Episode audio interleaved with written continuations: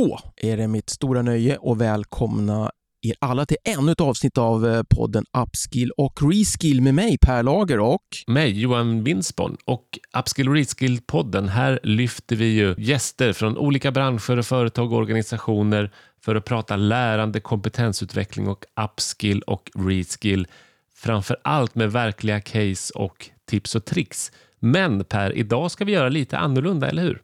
Ja, vi, det här är något av ett specialavsnitt kan vi kalla det. Mm. För att eh, för inte så länge sedan så kom ju World Economic Forums rapport Future of Jobs Report 2023.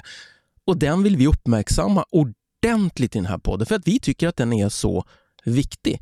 Så det är ju ett tema idag och det är, där lägger vi fokus. Men vi tänkte också summera lite hur den, här, hur den här våren har sett ut med vår podd, eller hur Johan? Precis, och där kommer vi att få återknyta bekantskapen med några av våra gäster och lyssna på vilka fantastiska bra saker de har sagt under våren. Så det här blir en slags sommaravslutning för Upskill och Reskill. Håll till godo!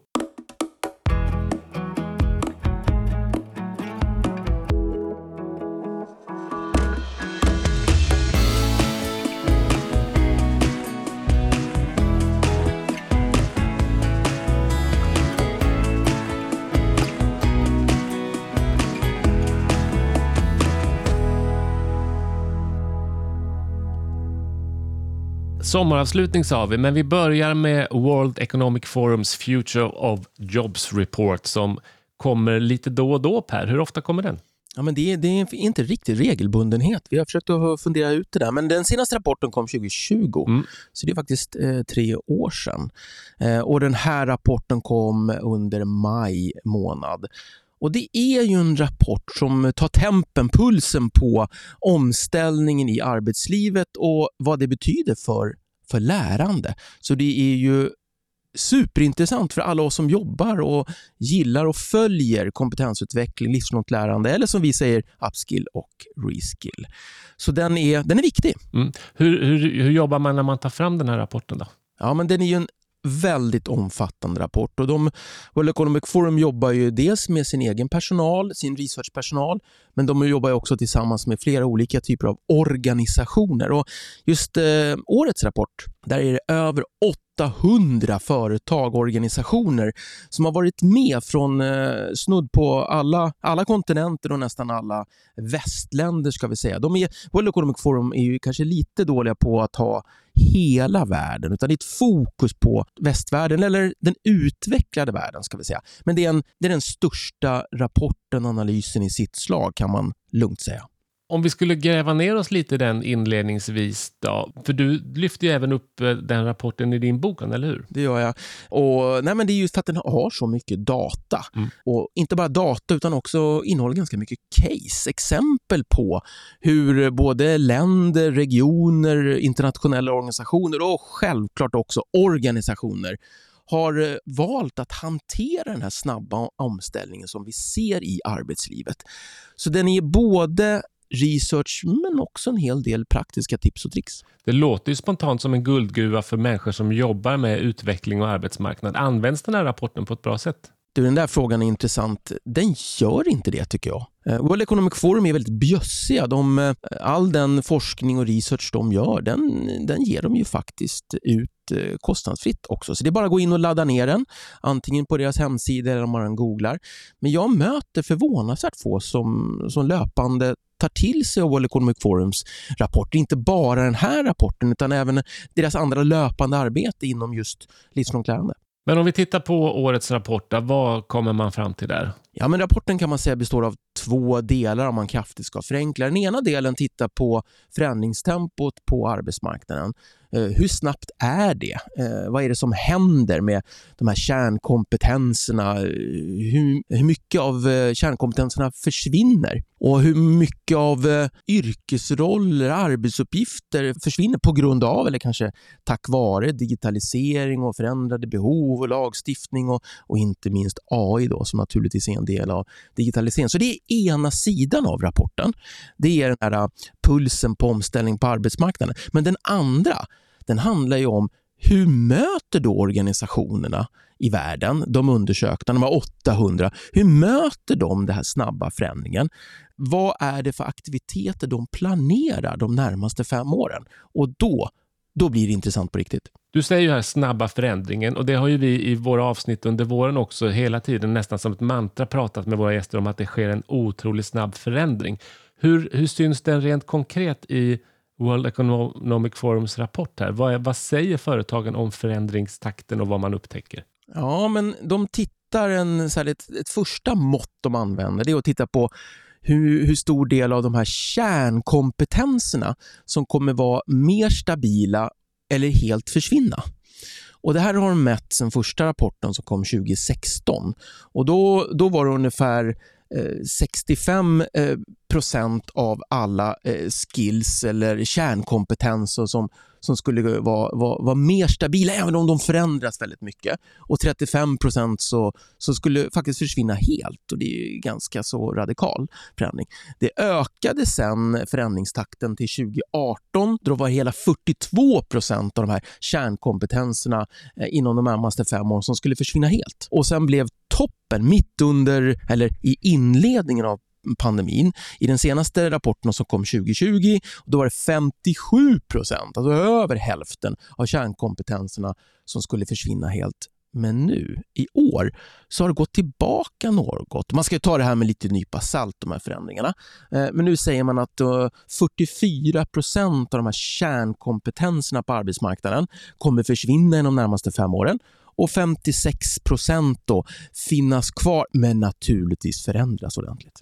Den här nedgången som nu du ändå pekar på, har, har det någon koppling till pandemin tror du? Att man tror att det eh, för det talar ju ändå om att en slags förändringstakt visserligen är snabb, men att man kanske ändå sänker förväntningarna lite på vad som kommer förändras och sådär, eller? Jag tror kanske lite tidigt att, att dra den slutsatsen. För om vi tittar på de här fyra rapporterna som har kommit då sedan 2016, så i årets rapport är det näst, näst högsta förändringstempot. Snabbare förändringstempo än både 2016 och 2018, men då inte riktigt lika mycket som, som 2020 där. Så att man ska nog ta det med en nypa salt. Eh, jag tror man kan tänka så här att det är ungefär som vi har tagit del av annan forskning också, att ungefär 50 procent av yrkesroller och, och, och yrken så som vi känner till dem idag kommer finnas kvar men förändras och 50 procent kommer faktiskt helt försvinna. Så det är någonstans där 50-50. Eh, så det är naturligtvis ett, ett enormt snabbt förändringstempo på arbetsmarknaden. Du nämner ju här att rapporten är uppdelad i två delar och den här första delen, om vi stannar kvar lite mer där igen. Vad skulle du vilja lyfta fram särskilt där som intressant? Nej, men det är ett par saker till. Förutom det här förändringstempot där de också går ner och tittar att det är lite olika i olika sektorer och olika branscher. Och, och, Där kan man då gå in och titta hur ser det ut i min bransch. Eh, och är, är det ett snabbare förändringstempo eller är det något långsammare? Så den, den skapar mycket värde tycker jag eh, för en läsare och att man kan ha det som diskussionsunderlag internt. Men sen går de ju också vidare och tittar vad är det då för typ av eh, yrken som, som växer till. De har liksom en topplista för de yrken som växer till och de har en topplista för de som jobb som kommer försvinna, det som man bedömer ska jag säga, kommer försvinnas i snabbast takt de närmaste fem åren. Och Det är ju en, eh, en intressant analys, både naturligtvis för en nation att titta. Eh, hur påverkar det här just oss som nation? Hur påverkar det oss som bransch? Eh, och hur påverkar det oss som organisation? Men sen är det till och med in, intressant ur ett individuellt perspektiv också. Vad är det för jobb som eh, växer till sig eh, och det blir fler av, större efterfrågan och vad är det för jobb som faktiskt eh, försvinner? Du nämner ju också AI och teknologi och så här. Går man, går man djupt in på hur, hur teknologin kommer påverka olika branscher och ser man några trender där som du vill lyfta? Ja, det gör man, men man gör det kanske mer indirekt och de har flera andra rapporter som just tittar på AI som, som man kan gå in och ladda ner på, på World Economic Forums hemsida som är, som är ännu bättre. Här pratar man mer om konsekvenserna av bland annat en teknologi som AI och vad det får för, för både positiva och mer utmanande trender på arbetsmarknaden. Men man kan väl säga att AI mest kommer upp i form av att se vilka kompetenser som kommer efterfrågas mest imorgon. Eh, och då finns det naturligtvis den typen av hårda kompetenser som AI och big data och sådana saker. Men här, och kanske är det mm, lite av det mer, mest intressanta i den här rapporten, det är just deras topplista på vad är det för kompetenser som kommer efterfrågas allra mest de närmaste fem åren anser de här 800 organisationerna. Och Den tio topplistan är spännande för det är en blandning mellan hård kunskap som eh, AI men också väldigt mycket om mjuk kompetens som kreativt tänkande, analytiskt tänkande, nyfikenhet och inte minst livslångt lärande. För det har vi ju pratat om mycket i podden, både nyfikenhet och behoven av livslångt lärande. Så du, du menar alltså att i den här rapporten på topplistan så säger företag att nyfikenhet och livslångt lärande, det är viktiga kompetenser som vi ser att vi behöver framåt? Ja, verkligen. Och De trycker just på att ju mer digitala vi blir, ju snabbare teknikutvecklingen går, eh, ju viktigare är det med eh, både förmågan att kunna lära sig nya saker, men också eh, förmågan att kunna samverka samarbete samarbeta med andra medarbetare och dessutom kunna ha ett eh, samarbete mellan människa och maskin. Så här tycker jag att det finns mycket spännande att hämta från den här eh, den här rapporten. Och, och, att bara ta den här tio topplistan då, som toppas av eh, kreativt tänkande, analytiskt tänkande, men där också AI finns med. Och att ta den topplistan och diskutera med sina kollegor i, i sin egen organisation. Vad betyder det här för oss? Vad är det för kompetenser på den här listan som vi ser att vi kan möta och vi har gott om och vilka skulle kunna bli utmanande? Och vad betyder det för oss? Vad, hur ser våran tio topplista ut för kompetenser som blir allt viktigare de närmaste fem åren? Har man en sån diskussion i organisationen? Jag är lite tveksam. Några har det, jag tror fler skulle behöva det. Per, det här är ju en, en rapport som är global och, och, som du säger kanske mest fokuserad på västvärlden men den täcker ändå eh, stora delar av världen. Kan man se hur Sverige sticker ut på något sätt i, i den här datan som kommer in? Ja, men det är ju också en jättespännande del av den här rapporten. Och där får jag eh, komma med lite tips till er som lyssnar. Att eh, det finns då landspecifika eh, nedbrytningar, men de finns längst bak i appendixet, så det är ganska många som missar dem där. Och jag tycker att de är riktigt, riktigt spännande. Men, men Sverige eh, sticker ut, eh, inte på så många ställen skulle jag säga, men det är några ställen man sticker ut ordentligt. Eh, till exempel så, så ser man att förändringstakten i kompetensen när det handlar till exempel om, om mjukvaruutveckling, då tror man i, i, i Sverige att den kommer förändras mycket snabbare än vad man tror i övriga världen.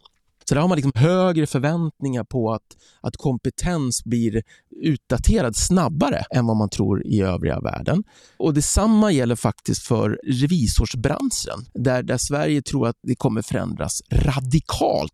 80% av all kunskap och kompetens inom den sektorn kommer, kommer förändras de närmaste fem åren medan bara 19 globalt som tror att den kommer förändras radikalt. En annan eh, sak som sticker ut lite i Sverige är att finansbranschen, eller finansanalytiker mer specifikt, där tror man i Sverige att de, där kommer det inte bli så stora förändringar. Bara 3 av, av riktigt radikala förändringar medan man i världen säger 17 så det är en, Även om det är ganska lågt även globalt så är det en jätteskillnad mot bedömningen i Sverige.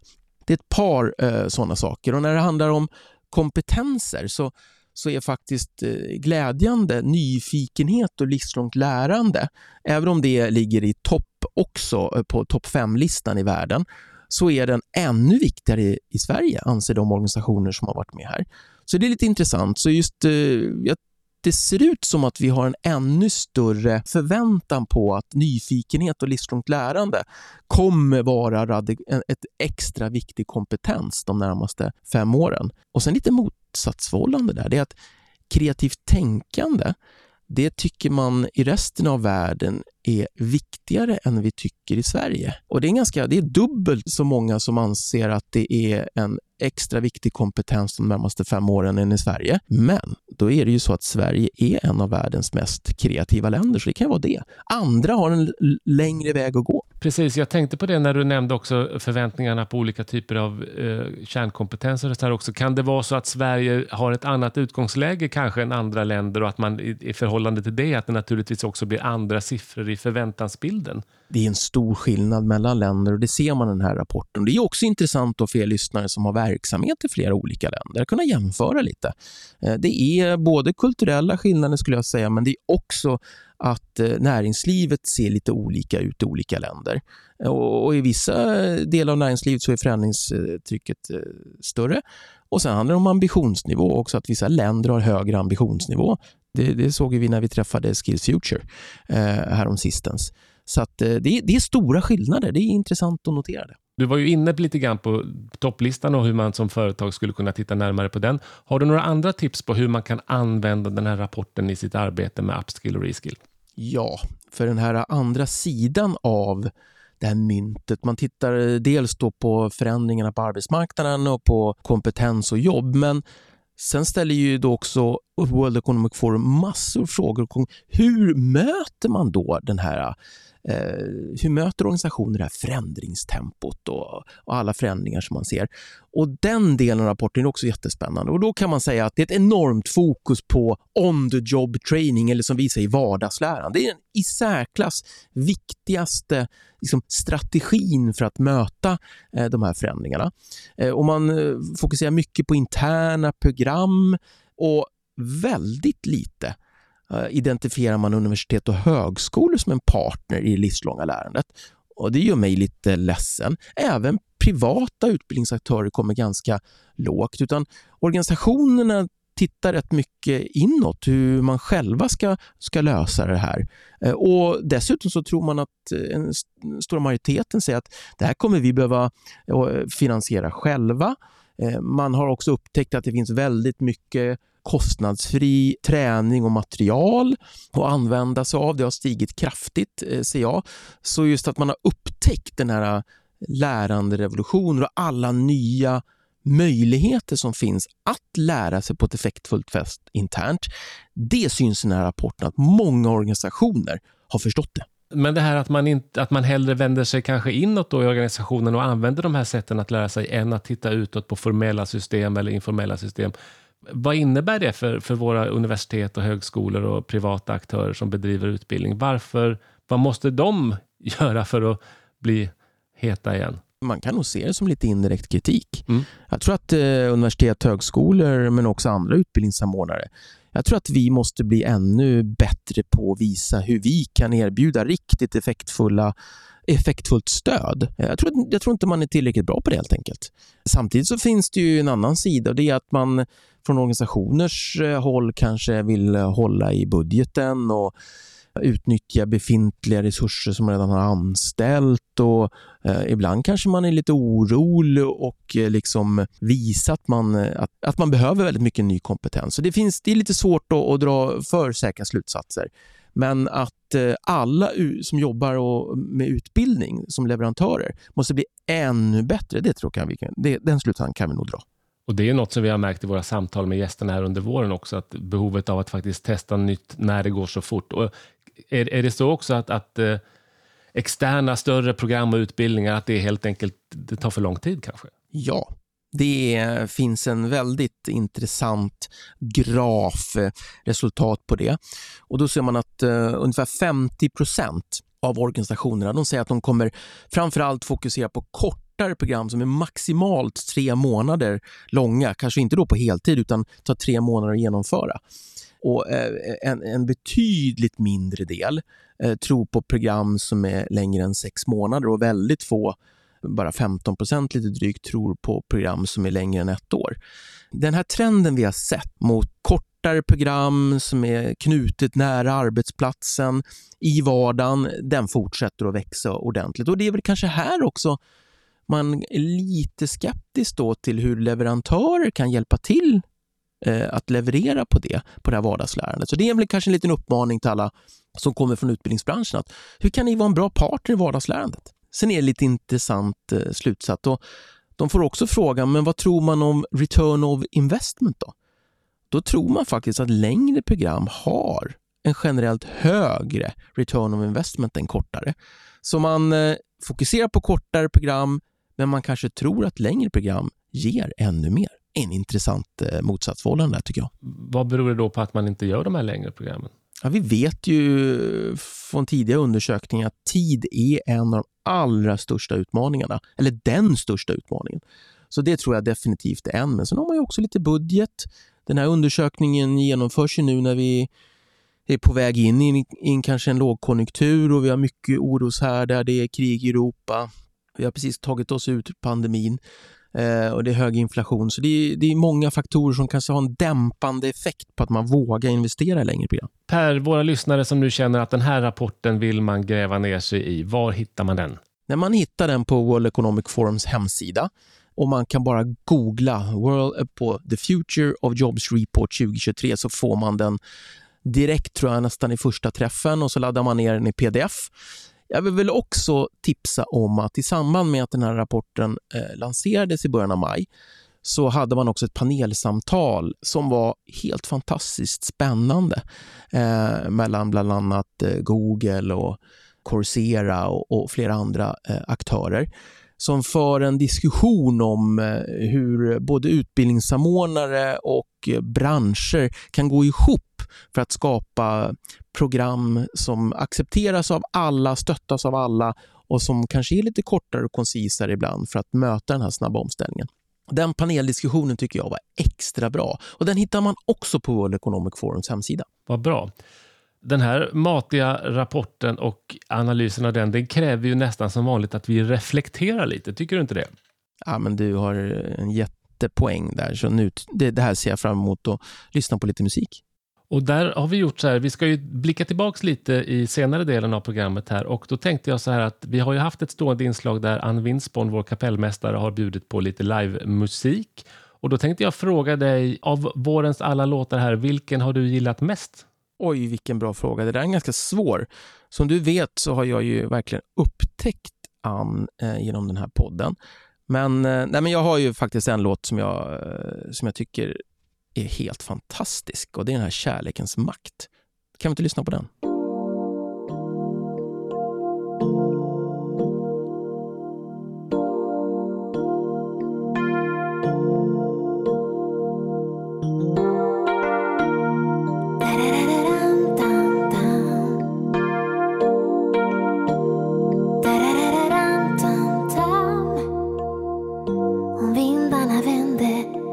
Tillbaks dit de kom ifrån. Om hat kan förstöras av kärlekens makt.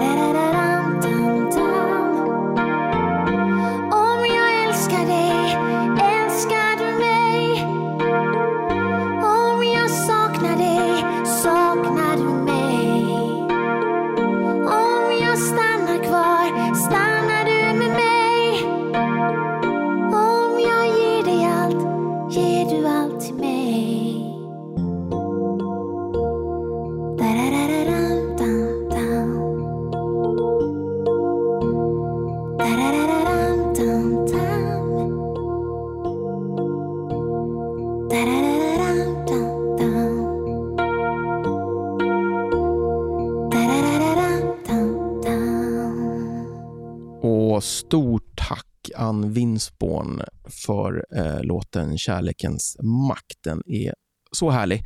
Och Det gav vi oss de där, eh, den där stunden för att reflektera lite. Det blev lite extra matigt här kanske. Och vi, vi pratade om det Johan, det är inte så lätt att göra podd om en rapport. Hör. Nej, det kräver ju sin man, men det tycker jag, eller kvinna, och det klarar du ju bra. Ja, tack så mycket. Så den ska ni ladda ner och använda som lite bas för diskussion och reflektion i era organisationer. Och, och som sagt ta det med en lit, liten nypa salt där. Det är trots allt en undersökning. Men Johan, ska vi, ska vi summera lite och reflektera lite kring vår uppstart av den här podden och de avsnitten vi har haft eh, hittills? Det tycker jag vi ska göra. Det har ju, vi har ju fått mängder med intressanta samtal med både organisationer och företag och även myndigheter, både från Sverige men även andra länder. Och globala företag och, och svenska företag. Och jag tycker mycket av det som du nämner med rapporten och de förväntningar och, och behov man ser, det är också sånt vi har hört under våren. Just det. Det finns ju fler röda trådar tycker jag man kan säga. Men Johan, ska vi bara börja med, liksom så här, har vi haft några lyssnare på de här avsnitten? Då? Mm. Ja, men vi var ju glada. Vi hade ju efter en månad, eh, eh, ganska exakt en månad, så hade vi tusen eh, lyssningar och nedladdningar av vår podd. Och nu har det gått en månad till och nu ligger vi på 2000. Så att det håller i sig det här med med antal lyssningar och det är ju jättekul eh, att så många har hittat och lyssnar på podden. Sen ser vi också att det är naturligtvis eh, mest i Sverige man lyssnar på podden, även i våra nordiska eh, grannländer. Och sen av förklarliga skäl så har vi en hel del lyssnare i Singapore faktiskt. Misstänker jag att det är ett särskilt avsnitt som vi ska nämna snart, men sen är det lite utspritt över världen faktiskt och det är kul. Ja, men vad, vad roligt. Har, om vi tittar på de här avsnitten vi har haft, då, som du säger. Det har varit företag och det har varit kommuner och intresseorganisationer och myndigheter och allt annat. Finns det några lite så här, äh, gemensamma nämnare som, som du ser i de här avsnitten vi har haft? Ja, men det finns det. Och vi har varit inne på det tidigare, även nu när du pratade om rapporten. Men en, en stor sak som jag tycker... Vi har ju haft en standardfråga där vi har pratat kring synen på lärande med våra gäster.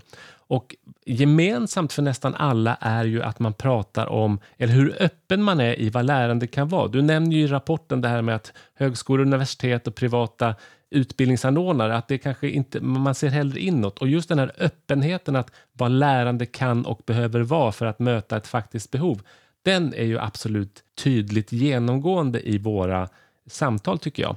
Och där tycker jag också något som är väldigt spännande. Jag tänkte vi skulle lyssna lite grann när vi pratar just på vad lärande är och kan vara och hur man möter det med en av våra gäster, nämligen Vidya Krishnan från Ericsson. Så här lät det när vi pratade med henne. Do you think it's uh, that there's a difference between how people learn and the you know the ambition when it comes to learning or the focus of learning between countries between regions globally? There's a universal hunger to learn. I think that is universal especially in the individual in the society in the family unit um, but i don't think there is a universal we know there is no universal accessibility to learn the digital divide is all too real and it's all too huge. And therefore, you know, even with the desire, think of um, Afghanistan and, and what we've seen recently there about um, the barriers that women face in obtaining an education. So are they, there's no, there's no uh, dearth of hunger, but there's a significant dearth of accessibility. And so this is, I think, one of the great inequities of our time that both society and technology need to overcome without which you know you can't have digital empowerment if you don't have digital equity. So i do think that the, the hunger to learn is, universal. I always say i think is the second most powerful emotion connection there is right next to love. Learning comes right behind love you know? So I, and i've seen that transcend across countries and cultures very much. But where i have seen all these deep variances has been how valued it is by society, how promoted it is by the government, how effective it is for especially adolescents um, and children going through school, um, how much it gets reinforced, how financially enabled it is, and how equitable it is. There are too many inconsistencies and variances still, and um, beyond what the individual has a hunger for.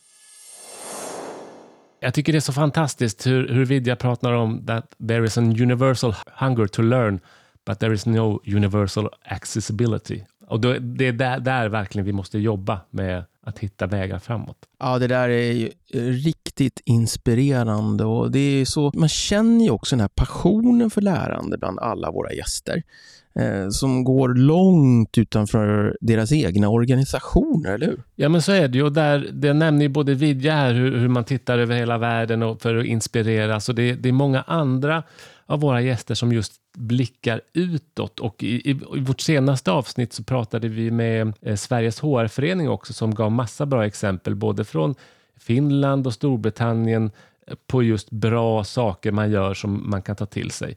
Men där man också, där Johanna inte heller sa att man kanske borde lyfta särskilda länder utan man måste plocka goda exempel från det som man hittar och hitta sin egen väg. Ja, jag tänker rätt mycket på det som eh, de här röda trådarna med de här gästerna vi haft. Och, och en sak är just att även om det får, vi har väldigt många konkreta tips och trick på aktiviteter och insatser så är det just den här eh, förmågan att skapa en kultur av lärande som är så viktig.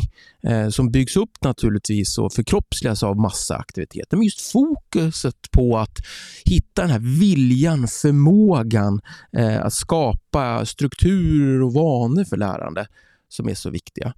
Och sen, precis som du säger Johan, att det händer ju så mycket. Och Det har väl aldrig varit viktigare än nu att jobba med omvärldsbevakning på vad händer inom lärande. Både på vad nationer gör och intresseorganisationer och stora företag och små företag och, och alla däremellan. Och det är en jäkla uppgift att bara försöka hänga med allt spännande som händer.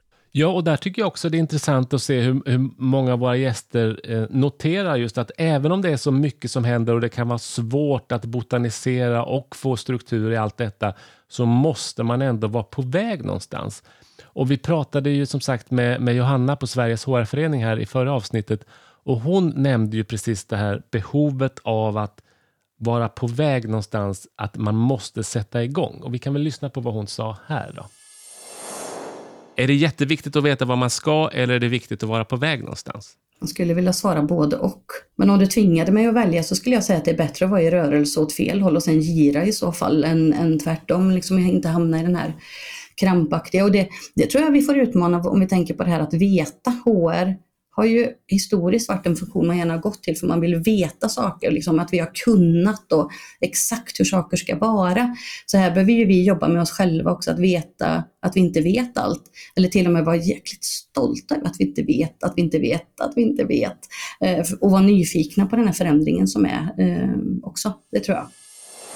En ödmjukhet är det att vi vet inte vad vi är på väg, det händer så mycket, men vi måste testa oss fram. Och, och gör vi fel saker, då får vi göra något annat. Ja, det är ju faktiskt någonting genomgående här eh, bland alla våra gäster. Det är ödmjukheten. Jag tänker på Skills Future där, eh, som fast de är så lysande case i världen, ändå har en väldigt hög ambition att faktiskt bli ännu bättre, nå ännu fler, lära oss av andra initiativ i världen. Det är, det är, ett, eh, det är ett förhållningssätt som smittar tycker jag. Och just Skills Future tyckte jag också var oerhört inspirerande. Vi hade ju ett samtal där vi även pratade om vad, hur eh, edtech och teknologin påverkar lärandet och vad man tror om det i framtiden. Och precis som du säger Per, den här ödmjukheten om att vi försöker göra väldigt mycket men vi vet inte allt. Jag tyckte det blev så tydligt när man tittar på hur måste lärandet förändras i takt med den teknologiska utvecklingen. Och vi ska höra lite snabbt vad, vad man sa om det. How do you evolve from the traditional classroom-based learning to a more digital learning environment? I, I would say that since 20, 2018, we have been looking at this quite seriously in terms of innovative uh, learning innovations.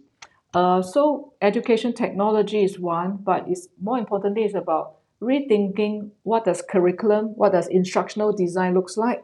Can we design things that people can learn on their own, and then with some kind of uh, social support group, community support group, peer learning uh, capability, linked with workplaces. So technology is definitely one of the key potential enabler, but not the only one, uh, because adult educators at the same time who are in charge of designing learning must know how to utilize. For example, AR, VR have been talk, long talk about it, but it has some success in some industry, not not always. Uh, like in med- medicine, I think they have all, been using all this uh, while for a long time. Uh, in advanced manufacturing, uh, AR, VR is quite successfully used when when the remote access, the remote mentor can go in and coach someone else new at work through um, through uh, uh, uh, technology that allow people to see what the trainees are seeing.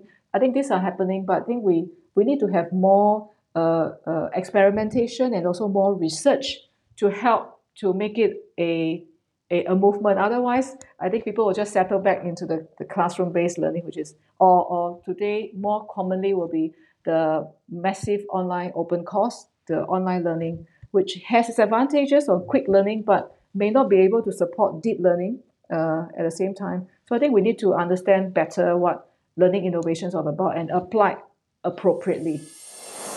Det här tycker jag är så spännande. Här har vi alltså ett av världens mest innovativa länder på att titta på lärande och kompetensutveckling som ligger långt fram och så säger, är man ändå väldigt tydlig med att säga vi måste experimentera mer, vi måste lära oss mer, vi måste forska mer. Och det är en väldigt, tycker jag, ödmjuk inställning på att hela tiden hitta nya vägar framåt på att faktiskt få en effekt av lärande också.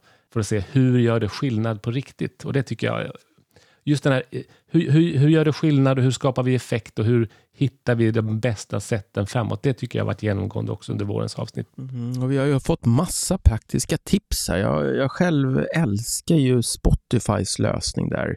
Både hur de jobbar med team och team, teamens eget lärande, men också de här Kommer du ihåg den här eh, lösningen Echo som Spotify har? Ja, Echo är en fantastisk lösning eh, på kompetensutveckling för anställda och samtidigt ett sätt att lösa behovet av kompetens i företaget. Och vi kan väl lyssna på vad Echo är för någonting. Johanna, vad vill du berätta om? Jo, ehm, det andra caset handlar om hur vi kan underlätta för fler sätt att lära. Vi är jätteduktiga på formellt lärande och socialt lärande. Men hur skulle vi kunna hjälpa våra människor att lära ännu mer i arbetet, i det dagliga? Så det var en sån liten nöt vi försökte knäcka för att vi behövde underlätta det här för hela företaget. Även vi, vi var duktiga i bitar. Till exempel vår techorganisation har alltid varit duktiga på det. Men hur kunde vi skala det och, och bjuda in hela företaget att utforska lärande i jobbet och över avdelningsgränser? Eh, och det hängde också ihop med att vi införde någonting vi kallar för working from anywhere som innebär att eh, våra medarbetare kan jobba lite, lite här och där, lite var som helst i världen och inte nödvändigtvis på ett kontor. Och det gör ju att det är svårare att hålla kontakt med alla och, och nå alla. Så vi sa att vi behöver ett verktyg som kan hjälpa oss att synliggöra möjligheterna för ett, eh, ja, men ett bättre och mer rättvist sätt eh, för alla runt om i världen att se vilka möjligheter som finns. Så därför bestämde vi oss för att lansera en intern talangmarknadsplats och vi kallar den för Echo. Och det är som en marknadsplats för kompetens med två planhalvor skulle man kunna säga. På ena sidan så finns medarbetarna med alla sina kunskaper och skills, sitt driv, sitt driv att lära och att bidra till andra avdelningar. Och på andra sidan då så finns det olika möjligheter som nya jobb, eller det kan vara mentorskap, eh, både att få eller vara mentor. Och sen kan det vara kortare projekt eller gigs, eh, som vi också kallar dem, eh, som då kan utannonseras av team när man behöver hjälp. Och ett sånt här projekt då, det kan handla om allt från att man behöver en liten fokusgrupp på två timmar vid ett tillfälle, eller så kan det handla om att man kliver in på en avdelning och supportar eh, under kanske två månader, några timmar i veckan. Så det är lite blandad, blandade typer av projekt. Och med hjälp då av AI Eh, så kan man få olika projekt eh, eller möjligheter pushade till sig. Och samma sak åt andra hållet då. Eh, den ehm, chef eller det team som lägger ut ett projekt kan få olika förslag på personer som skulle kunna utföra det här uppdraget. Så tanken med den här talangmarknadsplatsen då är ju att öka lärandet i jobbet för våra medarbetare så att de kan bredda sin kompetens, få större möjligheter. Vi vill ju absolut stimulera den interna rörligheten och vi vill hjälpa våra medarbetare att bygga nätverk i organisationen och egentligen så handlar det mycket om att skapa en mer rättvis plats där alla ser vad som finns och där matchningen då via AI kan, kan hjälpa till att hitta talanger där man kanske inte hade sett dem annars eller de inte hade lyfts fram på samma sätt. Det där är ju en sån otroligt inspirerande lösning eh, som är ganska enkel egentligen. Men så handlar det om att få det där eh, som man vill ska hända att hända också. Och sen tänker jag på Akademiska Hus där och Maria Lander Larsson där som också hade massa spännande, kreativa, modiga förslag och idéer. Allt ifrån har den där adventskalendern som tipsade om eh, eh, vardagslärande, men också det där ledarskapsprogrammet utan eh, innehåll som kanske, kanske gör att folk tänker till och tvingas tänka till lite på vad är det egentligen vi behöver lära oss för någonting. Precis, jag tycker båda de exempel du nämner här, är dels ett ledarskapsprogram som, som inte har något innehåll utan att man lyfter fram det som behövs när man vet vad som faktiskt behövs. Men sen också den här adventskalendern som hon nämnde där man faktiskt öppnar nya luckor varje dag för att titta på vad, vad ska vi jobba med idag? Jag tänkte vi ska lyssna här på när Marie Helander Larsson från Akademiska Hus pratar om sin adventskalender. Rätta mig om jag har fel här med Marie, men var det inte så att ni tog fram någon adventskalender här? Jo, precis. Ja, men alltså vi gjorde ju en, ja, en adventskalender som, så, det var en A4-sida med sån här typ skraplotter, ni vet man trisslotter man skrapar. Så fick man skrapa där på varje, varje dag och då låg det ett litet uppdrag där. Det kunde vara allt från att läsa hållbarhetsstrategin som stod i årsredovisningen till att eh, en annan dag skulle man gå och fika med en kollega och en tredje dag så skulle man gå in på intranätet och leta upp några uppgifter. Alltså det var lite skiftande grejer varje dag. Och jag kan bara eh, inte nog trycka på behovet av innovation och mod och tänka nytt, våga testa nytt. Och, eh, jag måste bara säga att Skellefteå där, jag tycker att de var så öppna på när de pratade om eh, eh, Northvolt som i början tillsammans med kommunen hade identifierat att det var liksom 80% ingenjörer, civilingenjörer som skulle anställas. Eh, och nu, eh, några år senare, så visar det sig att det är 80% som är gymnasiekompetens. Att man måste ha ett öppet sinne, inte låsa fast sig, inte alltid göra precis som man har gjort tidigare. För eh, vi måste tänka nytt och vi tänk, måste tänka mycket nytt. Precis, man kan, man kan göra på många olika sätt och då tycker jag, eh, precis som du nämnde också Per i, i rapporten från World Economic Forum, det här med effekt. Hur, man måste göra på olika sätt för att faktiskt se till att, att få effekt av lärandet. Och där pratade vi också med Skellefteå kommun kring det här. Vad är det som ger mest effekt i lärandet? Och jag tänkte att vi ska lyssna på det också, för det, det är så bra på många sätt. Vad är det då för form av utbildning i vårt eh, reguljära eller icke-reguljära informella utbildningssystem som verkligen har mest effekt? Ja, jag säger att det beror på vad man vill lära sig. Det beror ju helt och hållet på vad du är ute efter. Eh, är du ute efter att du ska operera någon i ögat så kanske inte en studiecirkel är det bästa utan då kanske du måste gå en formell utbildning upp på universitet. Så det, det, där är en omöjlig fråga att svara på egentligen, utan allt lärande behövs på olika nivåer i olika situationer, i olika kontext. Mm. Men jag tror också att den snabbhet som vi står inför nu, exempelvis här i Skellefteå, där verkligen samhället förändras på väldigt, väldigt kort tid, den innebär också att alla delar av utbildningssystemet får faktiskt testa sig och se, ja men behöver vi jobba på samma traditionella sätt som tidigare eller kan vi utnyttja en del av det här systemet till det här och kanske komplettera med någonting annat från ett annat system. Men sen tror jag mycket av, av också det här med delat lärande, alltså det här att man, när man lär sig saker gemensamt, oavsett om det är vardagen eller om man åker iväg några stycken, att det ger en mycket, mycket större effekt än om man, om man lär sig själv. Och det här, det här tycker jag är så spännande eh, som man är inne på i Skellefteå. Dels att det, man måste titta på vad som ger effekt utifrån vad man faktiskt behöver lära sig. Men också på det som vi har varit inne på flera gånger idag, modet att våga testa, utmana och prova nya saker. Och där var ju också, när vi pratade med Thomas Persson från YH-myndigheten, han var ju också inne på det här att, att man kanske ska hitta nya vägar på att faktiskt göra saker och ting. Och vi, med Thomas så pratade vi om, om vikten av validering och att det faktiskt inte har tagit riktigt fart. Eh, och där hade ju Thomas lite intressanta idéer om det som jag tänkte vi skulle lyssna snabbt på här. Just validering eh, ser jag en enorm potential i när det gäller att synliggöra lärande och faktiskt skjutsa på effektiviteten när det gäller upskill och reskill rejält. Men det har inte riktigt fått den här boosten generellt upplever jag i utbildningssystemet som det skulle kunna få. Jag skulle nog säga att, att min, min bild under de här åren är nog ändå att det som, som oftast håller emot validering är väldigt praktiska frågor och i någon mening också kulturella frågor. Alltså man tror inte riktigt på att validering är på riktigt, att det blir liksom det är, det är inte lika fint med validering som med formell utbildning, så skulle man kunna säga. Så att jag tror att tipset är på något sätt att fortsätta prata eh, om detta och att det faktiskt finns en efterfrågan, det finns ett utbud och det går och, och det verkar fungera alldeles utmärkt. Men ibland tänker jag att en aktör som är väldigt bra på att utbilda, det är inte självklart att den aktören också är den bästa på att validera. Men i vårt system så tänker vi oss att det är samma aktör som gör de två sakerna. Så att, att man skulle kunna fundera på om man behöver specialisera så att det är liksom fler som blir duktiga på just det här med att validera. Och då tänker jag både på validering i förhållande till eh, utbildning, behörigt utbildning, men också validering i, när det gäller yrkeskunskaper.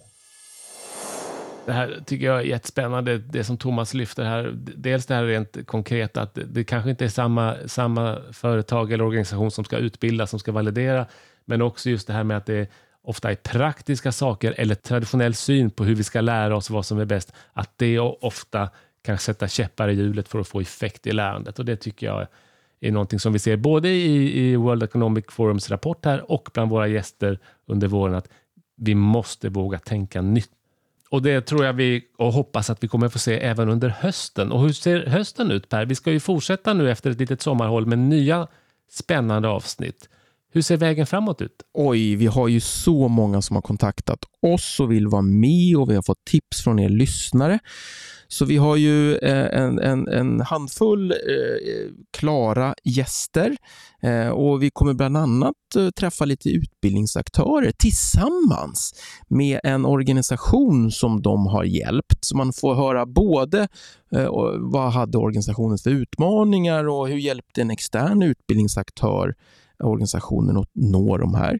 Men vi kommer ju också eh, ha lite ny aktör som vi inte haft lika mycket av eh, också framåt. Det kommer vara lite forskare, det kommer vara lite fler myndigheter, det kommer vara lite mindre företag, mindre kommuner och jättestora organisationer, multinationella organisationer.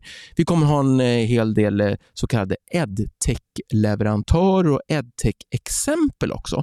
Eh, hur de kan vara en sådan katalysator, katalysator för, för lärande. Så det blir ett pärlband av många olika synsätt och perspektiv och organisationer som vi kommer möta under hösten. Och till eh, dig som lyssnar hoppas jag naturligtvis att du har tyckt vårens avsnitt av Upskill Reskill-podden har varit inspirerande och att du har fått massa tips och tricks.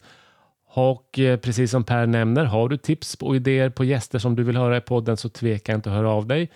Annars får väl både Per och jag önska en härlig och glad sommar så hörs vi igen till hösten, eller hur Per? Ja, det får vi verkligen och hoppas ni får eh en riktigt fin ledighet med både inspiration och nya idéer och inte minst en riktigt fin återhämtning. Så glad sommar från oss till er!